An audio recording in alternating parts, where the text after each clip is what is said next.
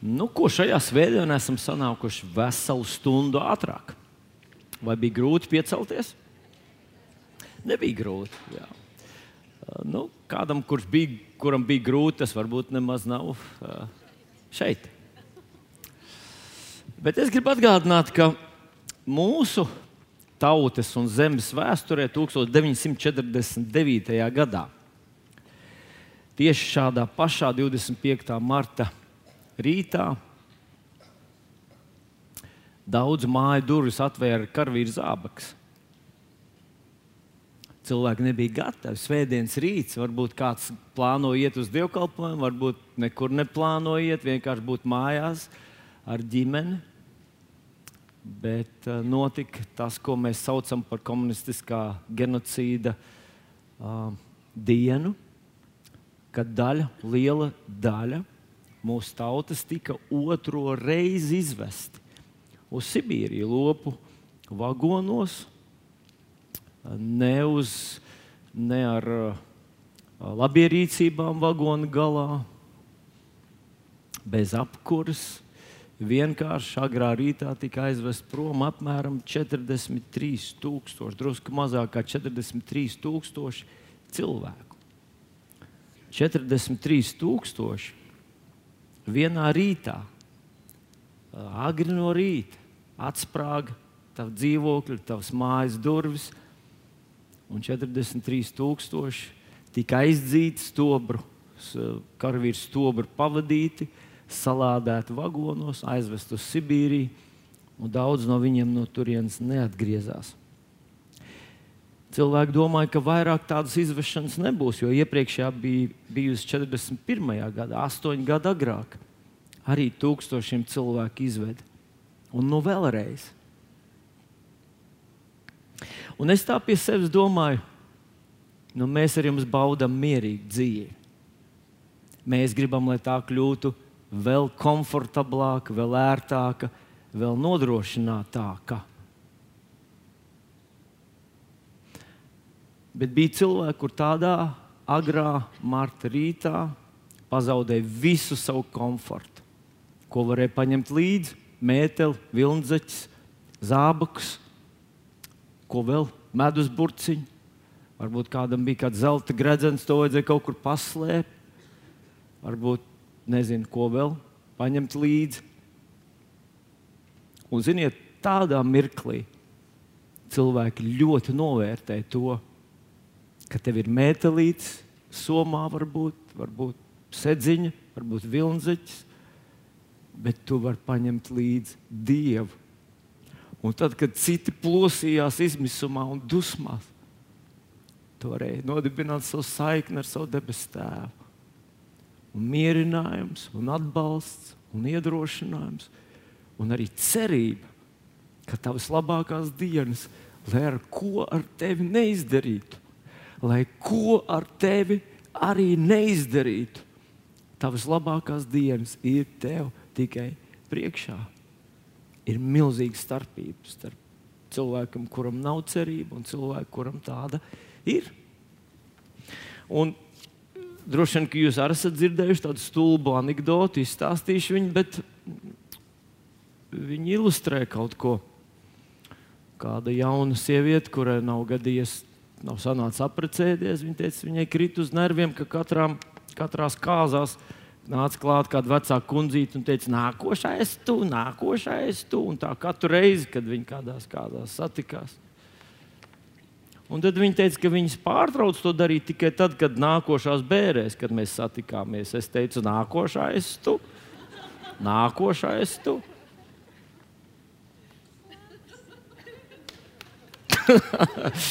Kādam patika? Ko es ar to gribu teikt? Vienīgais laiks, kas mums pieder, ir šodien. Tas ir laiks, kas ir tagad.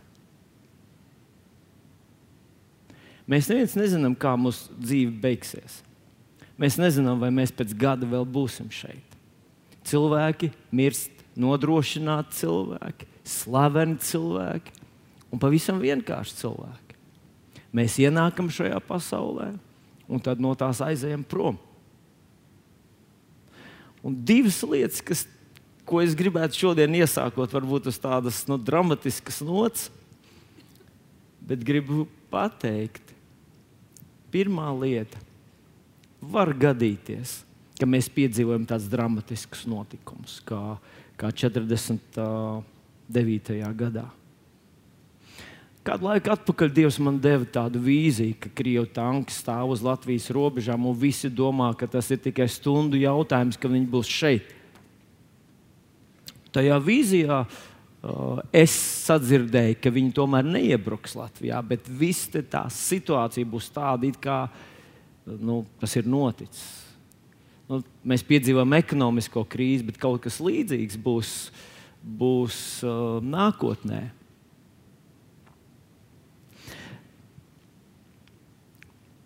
Ir ļoti svarīgi, ka tajā brīdī tava lielā bagātība nav tavā bankas kontā, nav tava māja vai tava mašīna, kur tu nevari paņemt līdzi.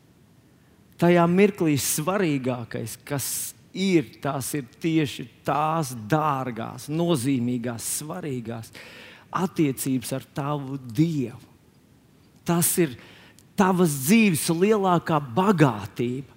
Nav pat tava inteliģence, tava izglītība. Ja mans tēvs mēdz, mēdza teikt, ka tas ir tas, ko tev neviens nevar atņemt, to, ko tu savā galvā ieliksi iekšā.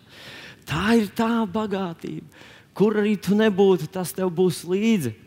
Tur ir savs ziņa, patiesības, bet tā vienalga nav lielākā bagātība. Tava lielākā bagātība ir tas, ka tev ir Tēvs debesīs, uzticams, uzticams kā es, nav man salīdzinājumu. Kas arī nenotika pasaulē. Visa pasaule var pagriezties pret tevi. Viņš būs ar tevi, lai vai kas. Un otra lieta, ko es gribu pateikt, izmanto šodien.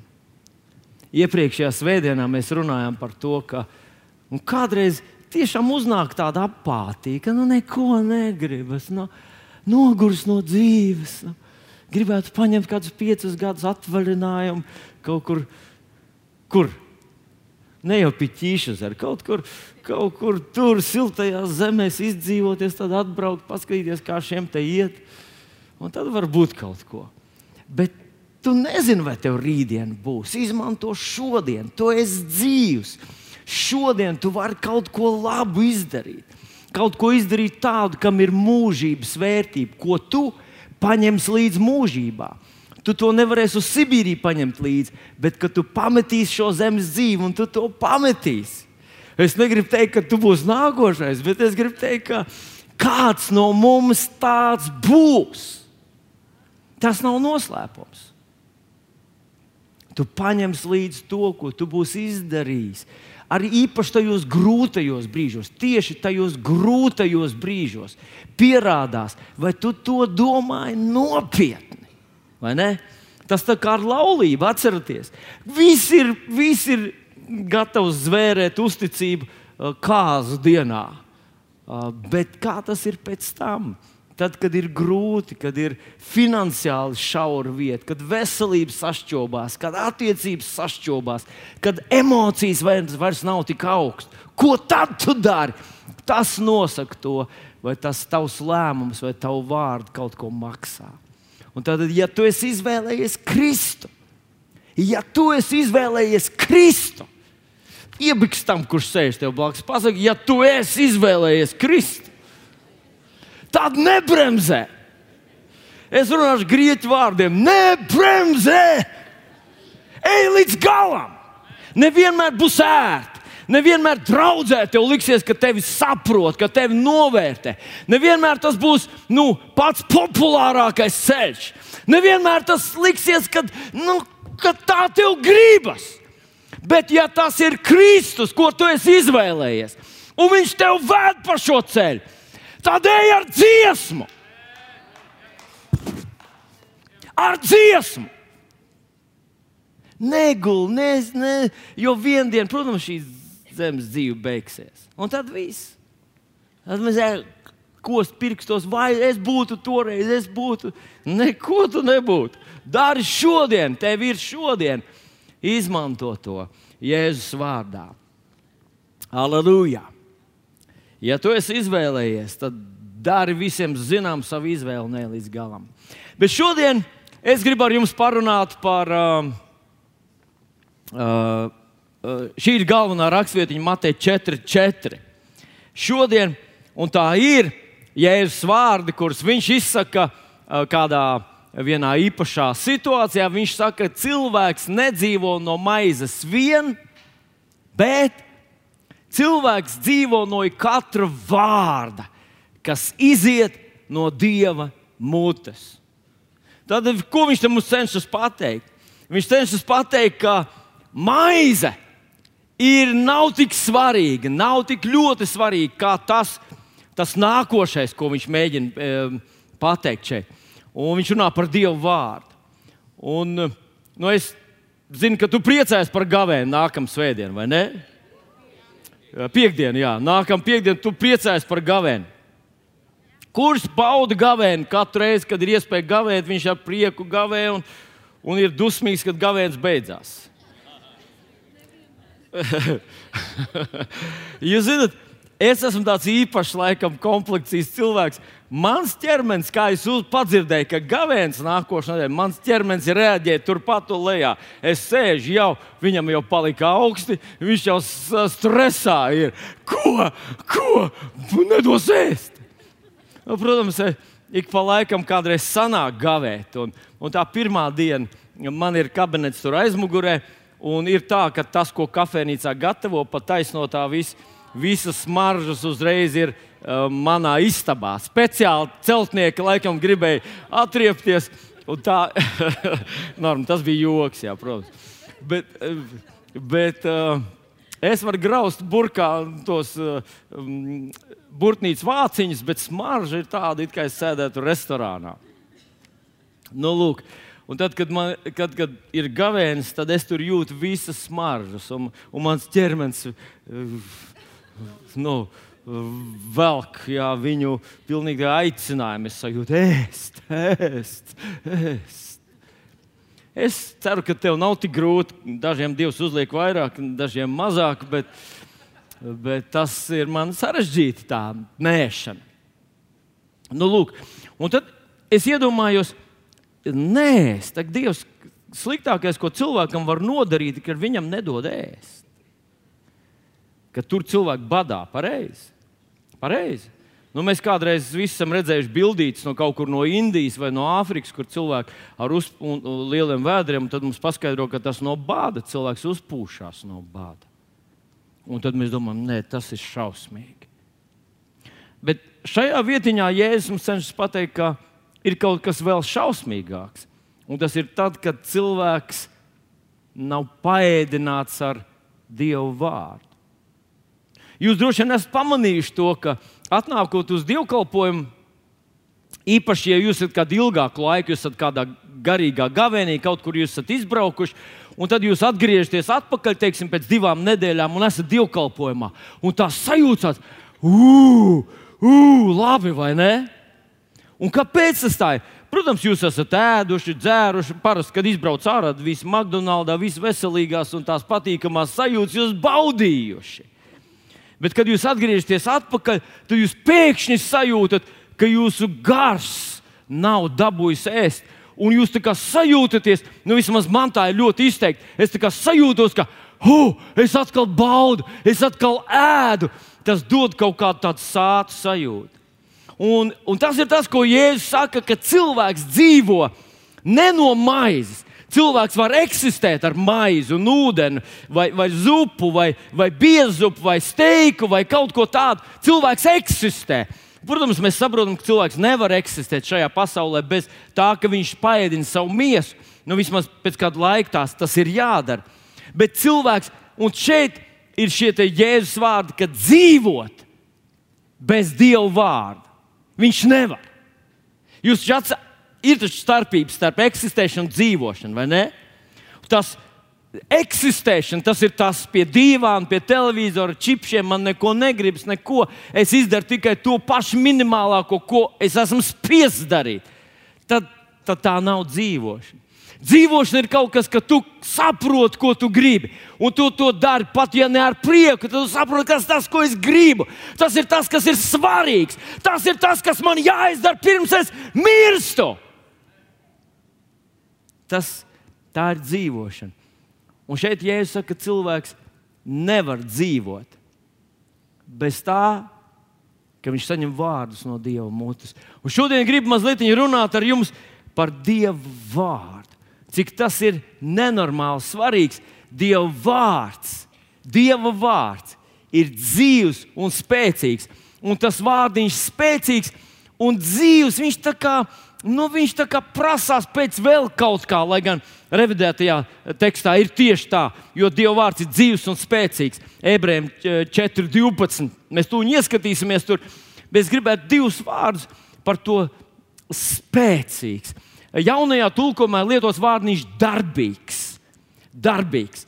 Nu, pie mums bija atbraukuši mūsu divas mazmeitas, divas dienas.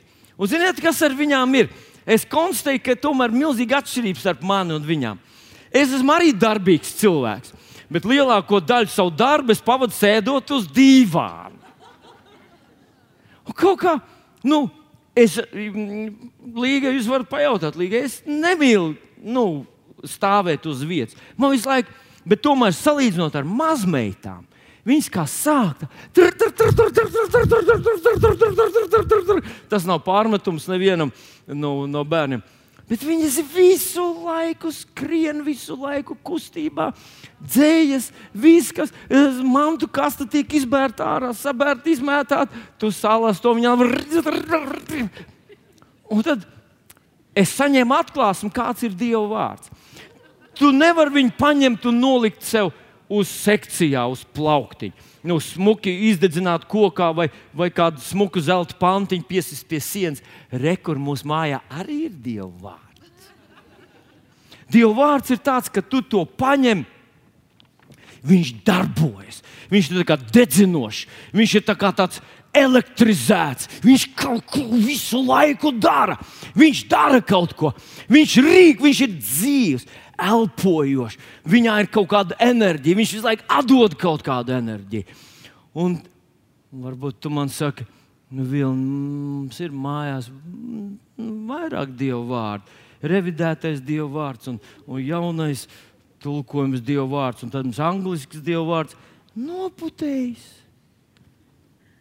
Nu, stāv tur. Un, Bet es tev teikšu, ka Bībelīte, tev ir grāmata. Ja? Kam ir grāmata? Paceliet roku. Reku Arma, uh, Normundam ir grāmata. Jā. Tā nav, tas nav Dieva vārds. Viņš tur ir uzdrukāts. Bet tas nav Dieva vārds. Paskatieties, kā ebrejiem 4.12. Uh, kā tiek aprakstīts Dieva vārds.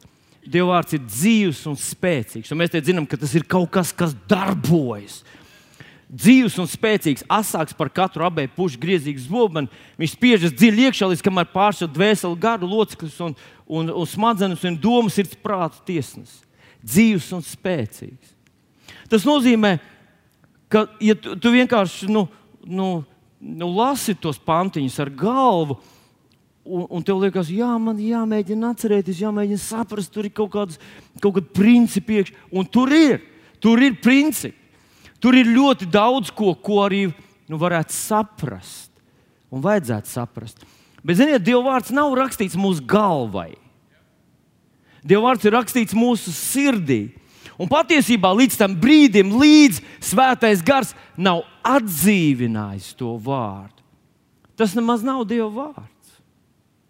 Nē, Bībelē ir uzrakstīts Dieva vārds. Viņš tur ir perfekts un pareizi, precīzi uzrakstīts. Bet viņš ir viņam jākļūst dzīvam. Un tas ir viņa mērķis, tas ir Dieva mērķis, tas ir svētā gara uzdevums un mērķis ievest jūs patiesībā, atgādināt jums vārdus, darīt viņus dzīves.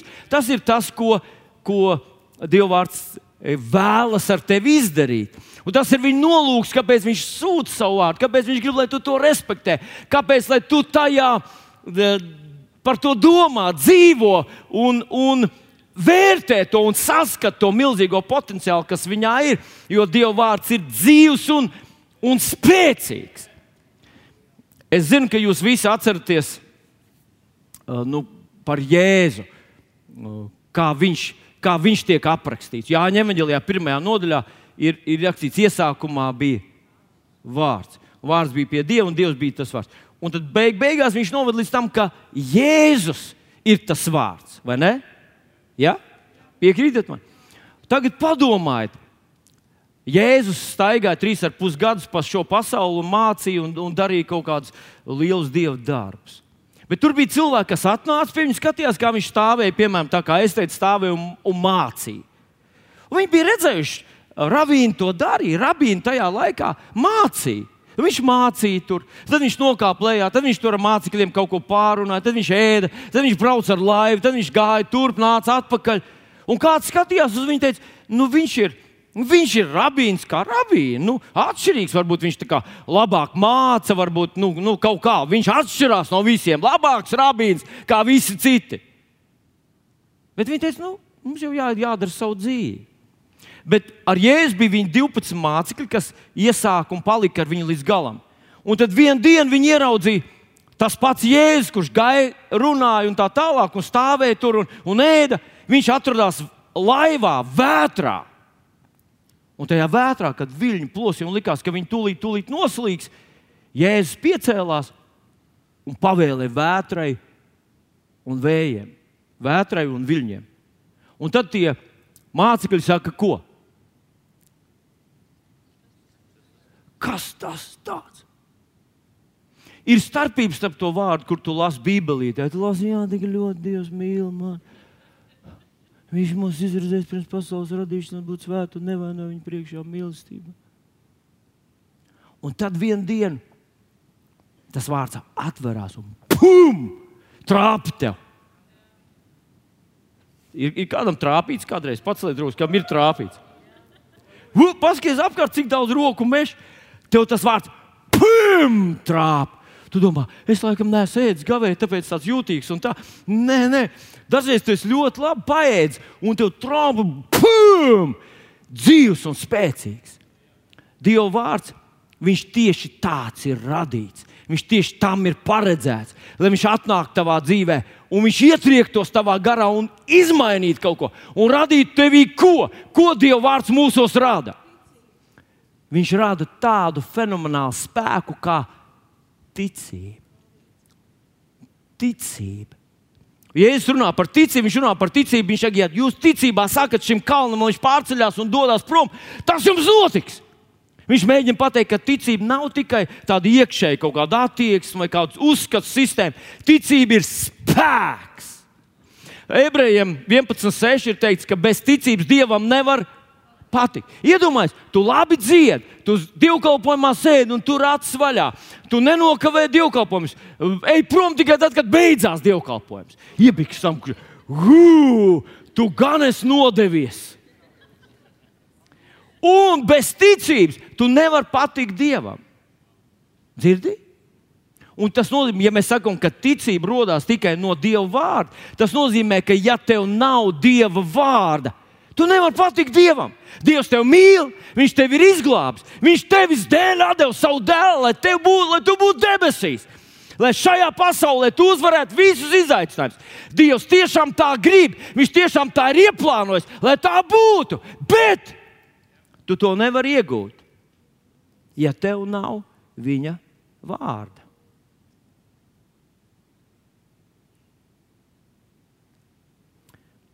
Es saprotu, ka tas ir ēdiens. Tas ir ēdiens, kur Dievs dod.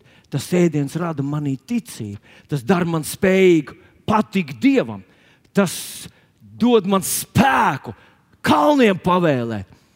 Tam vajag būt kaut kam ļoti nozīmīgam un kaut kam ļoti stipram. Un es gribu atgādināt, ka Bībelītē ir ticības slavas aleja. Tā ir ebrejiem 11. nodaļa. Un tur uzrakstīts, ka viņi valstis uzvarējuši, uguns spēku nodzēsuši, savus mirušos atguvušas. Viņi tur ir tāds brīnums izdarījuši. Kā? Caur šo ticību, romiešiem 10, 17. Ticība nāk no sludināšanas, sludināšana no Dieva vārda. Tāpēc Dieva vārds ir vitāli svarīgs tavai dzīvei, lai šajā pasaulē tu dzīvotu. Nevis vienkārši no rīta pieceltos, ēst brokastis, nodzīvot līdz vakaram, aiziet gulēt, un atkal viss tavu dzīve būtu tāda, bet lai debesīs Dievs teikt, ko tu esi labi, labi, tu uzticīgais, um, kā bija, tu godīgais un uzticīgais kalps. Labi! Padomā, lai Dievs par tavu dzīvi teikt, labi! Labi, tu to izdarīji! Pagaidiet, es tev visu dzīvi tikai nu, pelnīju, lai būtu ko ēst un paēdināt uh, savus bērnus, un lai man tā kā viss nu, daudz maz. Nē, ar to nepietiek. Ir vajadzīgs, lai Dievs varētu pateikt par tevi, labi, Vilni, labi, Līga, labi, Olit, labi, Armand, Armand malacis. Oh, tas ir kaut kas, lai to izdarītu. Mums ir vajadzīgs Dieva vārds. Un ne vienkārši tāds nu, formāls, galvas Dieva vārds, bet Dieva vārds, kas ir dzīves. Un Dievs to ļoti grib, lai mums tāds būtu. Marka evanģēlijā 4. nodaļā aprakstīta tāda pamata pamat izpratne par to, kā Dieva vārds darbojas. Marka 4.14. viņš saka, piemēram, sējais sēj vārdu sējējs. Viņš runā par sējēju, kurš sēž dažādu sēklu, un tā sēkla, mēs visi zinām, krīt dažādās augsnēs. Tur ir akmeņaina augsne, tur ir augsne, laba augsne, tur ir ceļmala, un tur ir vēl visādi daži un tā tālāk augsnes. Tās ir dažādas sirds un dažādas attieksmes. Un tad viņš saka, ka kādās augsnēs tas nenes augļus, bet kādās nes augļus. Un Dievs gribētu, lai tavā sirdī un tavā dzīvē tas Dieva vārds nes augļus. Tas nozīmē, ka mēs savu attieksmi varam mazliet nu, nevis mazliet, bet tā radikāli no, izmainīt pret Dievu vārdu, lai Viņš atnestu mūsu dzīvē augļus. Bet es ar jums gribu paskatīties Marka Evanģelijā, 4. nodaļā, 26. pāntu, 26. līdz 29. Marka tātad. Uh, 4, 26 līdz 29. Un tur aprakstīts, kā tas darbojas. Es lasu 26. pāns. Tāpat ir ar Dievu valstību, kā kad kāds cilvēks sēklu iemet zemē. Guļ un ceļas nakti un dienu, sēkla uzī, uzdīkst un uzaug tā, ka viņš pats to nenomāna. Zeme pati no, sevi, no sevis nes augļus, pa priekšu stiebru, tad vārpu, tad briedušus graudus vārpā. Un, kad augļi ienākšies, tad viņš sūta sirpi, jo pļaujamais laiks ir klāt. Tad vispirms sējais sēja sēklu. Un tas, tā sēkla ir Dieva vārds. Es šodien uzdrošinos pateikt, ka Dieva vārdā ir ļoti daudz un dažādas sēklas. Ir sēklas, kas ir sēklas dziedināšanai. Tu nevari saņemt dziedināšanu, ja tu paņem bībelīti un uzliec uz savas slimās vietas. Nekas tur nenotiks. Bet, ja tas vārds par dziedināšanu, boom, atklājas tev, atverās tev, tu saņem dziedināšanu. Tu vari saņemt dziedināšanu no visneiedomājamākām, neārstējamām slimībām. Tu to vari saņemt, jo šī Dieva vārda sēkla ir Dieva vārdā, Bībelē. Un tie, kas to novērtē, tie, kas šīs sēklas nu, ļauj tām sēklām iekri, iekrist savā zemē un tām uzaugt, viņi staigā dziedināšanā. Dieva vārdā ir sēklas labklājībai, Dieva vārdā ir sēklas cilvēka kalpošanai, viņa svaidījumam, viņa izpratnē par dzīvi, spēkam, un vadībai un drosmei un vēl visādām lietām. Visneiedomājamākām lietām sēkla ir Dieva vārdā. Un tā sēkla tiek bagātīgi kaisīta. Tikai, nu, kā Marka Evanģēlē, mēs saprotam, ka no cilvēka attieksmes tā sēkla ne sēklā ir vaina, bet tā zemē ir vaina, un viņa neatnes augļus. Viņai būtu jāatnes augļi. Viņai būtu jākrīt zemē, un tad jāatnes augļi. Es no savas pieredzes varu pateikt, ka tas ir laiks. Gluži kā šeit mēs lasām, kad cilvēks sēkli iekrīt zemē, un tad cilvēks ceļas un guļas nakti un dienu. Viņš pats to nenomana, kas notiek. Bet tā sēkla, tai sēklai būtu jāizaug tā cilvēka sirdī. Un es esmu pats pie sevis kādreiz uzdāvājis sev tādu jautājumu, kas ir tas svarīgākais, par ko šobrīd kādu sēklu tagad man vajadzētu audzēt savā sirdī, savā dvēselē. Un kādu laiku veltīs dziedināšanas sēklai. Es pārslēdzos uz kaut ko citu. Es runāju par to, par svētumu. Es ņemu tās sēklas, kas runā par to, ka es esmu Kristum līdzīgs, ka esmu svēts, ka esmu atstājis visu veco savu raksturu, visas savas vecās ierašas, visas savas vecās kārības bet es nevaru tik daudz laika, jo man ir daudz citas lietas, un es pārslēdzos kaut ko citu. Es domāju par to, ka es esmu par svētību, es esmu mīlestības eh, eh, bērns, es baudu Dievu mīlestības sēklu, un tad kaut kāda cita sfēra un kaut kāda cita sfēra. Un es vienkārši no savas pašas pieredzes uh, jums padalīšos, ka man, man bija ilgi problēma ar, ar, ar manu labo plecu. Es staigāju uz sporta zāli, gribētu būt milzīgs, milzīgs Herkules, um, sap, satraumēja savu plecu. Un viņš man um, pēc sporta zāles apmēram pēc nedēļas viņš nomierinās. Es jūtu mazliet, bet um, nākamā dienā pēc treniņa es viņu jūtu ļoti, ļoti izteikti. Un, protams, jūs redzat pēc manas žaketes izmēra, ka es neesmu nekāds apelsīns Un nekādu lielo sporta zāles aktivitāti es neveicu. Un tomēr tur mazliet kaut ko pacilāja. Otrā dienā es nevarēju uzgulties tam plecam. Un tā es dzīvoju no gada uz gadu, no gada uz gadu, it kā sarada ar to vainu. Nu, es domāju, tā kā mēs visi. Nu, kad tu aizgāji pie doktora, doktora saka, doktor, man sāp mugura, un doktors saka, ka jūs pieliecaties, nesāp. Ne, tagad nesāp. Nu, staigājiet. Tā. Un tā es arī staigāju to plecu, tā piesaudzēju, jā, un zināju, ka otrā dienā es kaut ko padarīšu, man atkal sāpēs. Un vienā dienā es sapratu, ka Jēzus to ir izdarījis priekš manis, man tikai tas jāpaņem. Un, zinot, es paņēmu, es paņēmu pāris dienas, es ņēmu šo dziedināšanu tikai savam plecam. Un kad es tagad kaut ko padaru sporta zālē, Es turpat pie mājas padaru, bet nu, tā kā sporta zālē. Ziniet, man ir palikušas 15% no tām sāpēm, kas man bija pirms tam. Jā, es otrā dienā vēl aizvien jūtu to plecu, bet tas sāp vairs tikai 15% no tā visa. Un tā starpība ir tik ļoti liela starp to, kā tas bija agrāk un kā tas ir tagad. Ka es nu, bez kautrēšanās varu pateikt, paņēmis Dieva vārda dziedinošās sēklas, es tās pielietoju sev. Es lietoju šo, jo kā Bībelē teiks, ka Dieva vārds ir zāles. Es pielietoju to, un tā sēkla iekrita manā augstē un atnesa augļus.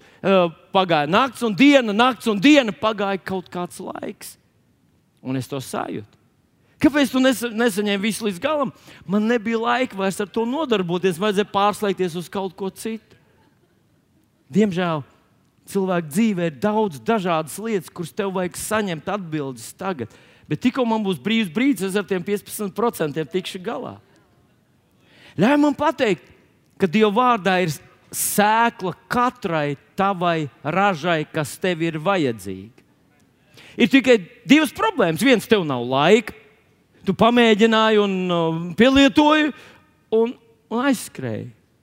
Un te ievēro, kā te rakstīts cilvēks to iestāda, guļ un ceļas, guļ un ceļas nakti un dienu, pats to nenomana, kas ēklu uzdīkst un uzauga.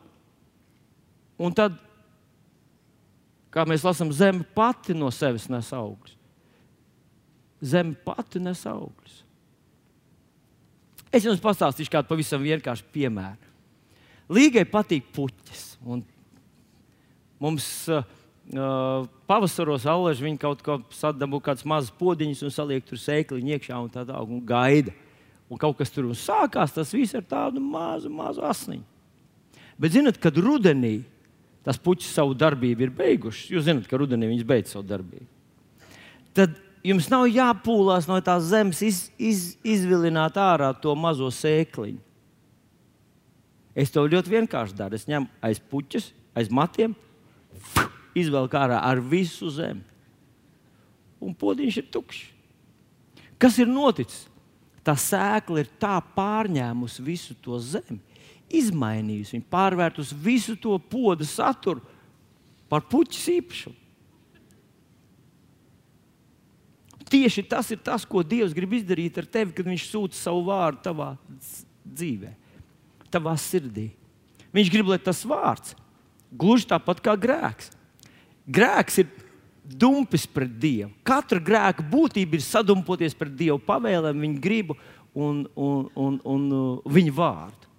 Grēks tev aizvedīs pretdabīgās lietās, kā romiešu vēstulītē, ja nemaldos, otrajā nodaļā rakstīts, ka viņi aizgājuši pretdabīgās tieksmēs, vispār atstājuši to, kas likās, ka tas ir nemainīgi. Viņi to visu ir sačakarējuši. Piedodiet par, par svešvārdu. Bet to pašu izdarīs Dieva vārds, ja tu tam ļausi ienākt tavā dzīvē, viņš tev pārņems visu. Viņš izmainīs tavus sajūtas, tavus uzskats, viņš izmainīs tavu, tavu raksturu. Viņš tevi tā pārtaisīs, ka tu būsi viens ar vārdu. Redzi? Tu nemanīsi, kā tas notiks, bet ja tu pietiekami ilgi pievērsīsi uzmanību Dieva vārdam, ja tu pret to izturēsies kā pret to, kas ir dod dzīvību, kas ir stiprs, tad vienā dienā viņš sprāgs, un tu ieraudzīsi, ka tajā ir spēks. Ziniet, tajā vīru sapulcē mēs sēdējām pie galdiņa, vairāk vīri kopā. Un, un viens jauns puisis, viņa vārds ir Toms. Es viņu uzreiz nes, nesarādzu šorīt, bet viņš pavisam pa jaunu, viņš tikko apprecējies, ir pagājuši kaut pāris mēneši, kopš viņš to ir izdarījis. Un viņš stāstīja tādu liecību. Viņš to vēlreiz, vienreiz jau bija stāstījis, bet viņš to pastāstīja vēlreiz. Un es kaut kā šoreiz to sadzirdēju. Toms stāstīja tā, ka viņi ar savu līgavu gatavojās uh, kāzām, laulībām. Un viņi bija iecerējuši, ka viņi laulāsies tur. I, Islandē, jā, tur tādā romantiskā, viņiem īpašā vietā, viņam jāaizved uz turieni mācītājs. Šajā reizē viņi neņēma mani, jo man, par mani ir ļoti daudz bagāžas jāmaksā. Dāvids brauc ar viņiem, un vēl tur kaut kāda fotogrāfs tur un vēl. Un var, ko, tas viss paprasīja nu, kaut kādas finanses. Un to mums saka, tā, mēs saskaitījām kopā iepriekšējā nedēļā, saskaitījām kopā savus finanses un sapratām, ka mums nepietiek. Mums nepietiek. Un tad viņš saka, mēs sākām ar, ar manu līgavu domāt, ko mēs varam atmest nost, nu, lai savu budžetu, budžetu sabalansētu. Un viņš teica, mēs skatāmies to atmest no Nē, to, ne, to, ne, to nevar. To ne. Mācīt, atstāt man. Nē, nu, nu, pateicām viņam, nu, uh, viņš apvainosies. To arī nē. Nu, es pielieku, protams, kaut ko no sevis. Un tad viņš teica, tā, paklausieties, mēs tā izgājām cauri viņam un teica, tad es teicu savai līgavai, nē, mēs neko nenogriezīsim. Dievs mums dos naudu. Ziniet, ot, ot, tas nav tā, ka tu tā, bet tas no iekšas. Tā, tā puķa ir tik ļoti pārņēmusi jau tevi, ka tur jau, nu, tur runā kā puķi jau, nu, kā vārds. Jauns puikiņš. Un viņš saka, pienāca svētdiena, rīt no rīta viņi lido prom. Rīt, šodien ir svētdiena. Viņi uznāk šeit augšā, mēs viņus tur, kā parasti mēs atceramies, uzsaucam. Jaunais pāris, viņi tur gatavojas, tur un tā, ir pīri, apsveicam viņus un, un, un, un, un, un, un priecājamies. Un rīt no rīta viņi lido prom. Nav nekas bijis. Un iedomājieties, kas notiek. Es nezinu, kas ar maniem notiek. Bet vai jūs esat kādreiz redzējuši, ka jauno pāri, kur mēs uzsaucam, ka es saku viņam, vai saziedojam, kam uz sirds sametamies, atbalstam to jauno pāri. Mēs to nekad neesam darījuši. Šajā reizē es saku, reku divi jauni cilvēki. Uh, kam ir uz sirds svētīs? Ko? Tu to izdarīji? Es jums saku, tu nevari cilvēks neko sameloties. Tu to izdarīji. Ja? Redz, bet viņš to ne, ne, viņš taupīja manas tās tur. Tom žetons tev vēl viens no. Ja tu te, ir viņš? Ir kaut kur. Tom, tu esi šeit? Kur? Ah, Tom, tu iedomājies, cik smalki tu to izteici. Es domāju, ka es tas varonis esmu. Paldies tev! Nu, un iedomājieties, Līga, viņa to nekad nedara. Viņa nejaucās iekšā tajās lietās. Tas vispār ir, nu, Neiedomāja. Viņi pēkšņi saka, paklausieties, svētīsim tos jaunos cilvēkus, kur vēl tikai gatavojas kāzām. Un Toms saka, protams, tur nebija miljons. Neslīd citreiz miljonu, varbūt kāds. kāds uh, bet tas, ko mēs salikām tur, viņiem tas nosedza, un viņi, viņš dabūja to, kam bija ticējis. Zini ko?